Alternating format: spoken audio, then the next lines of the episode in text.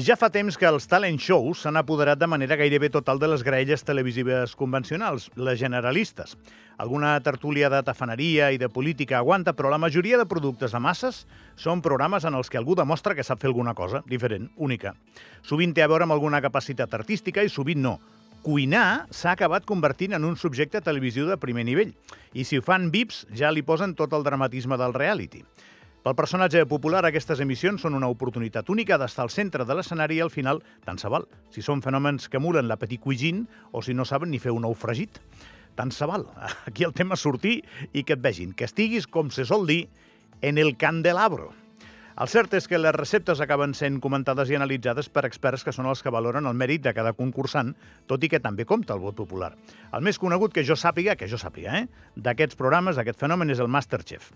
Ho dic que jo sàpiga perquè tampoc sóc un gran seguidor, però sé per cultura general que hi ha això. Eh?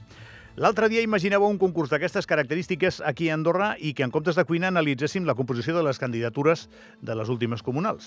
El presumible president del jurat hagués estat tampoc pau descansi Toni Martí per motius obvis. Ell era el Messi d'aquestes coses.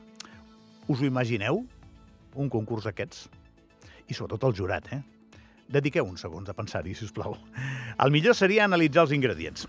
Per exemple, eh? si poso una mica de rosagili i DPS, estaria bo el plat?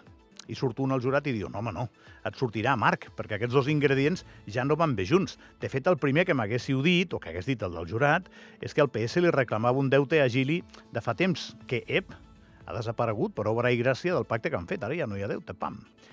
Pam no, pim, pam. Si poso una mica d'Estrier i de SDP, o sigui, Bartomeu, què? I el mateix et diria, no, home, no, si abans això estava bo, però els gustos han canviat. I més, entremig han passat coses, eh? Però no, ara es veu que funciona, el plat pot estar bo, eh? O almenys ens el posen a taula. I, i una mica d'Enric Dolça i de PS Ordino, i el mateix que abans de xerrat ja no diria res, aixecaria les espatlles i somriuria com si li estiguessis dient una animalada.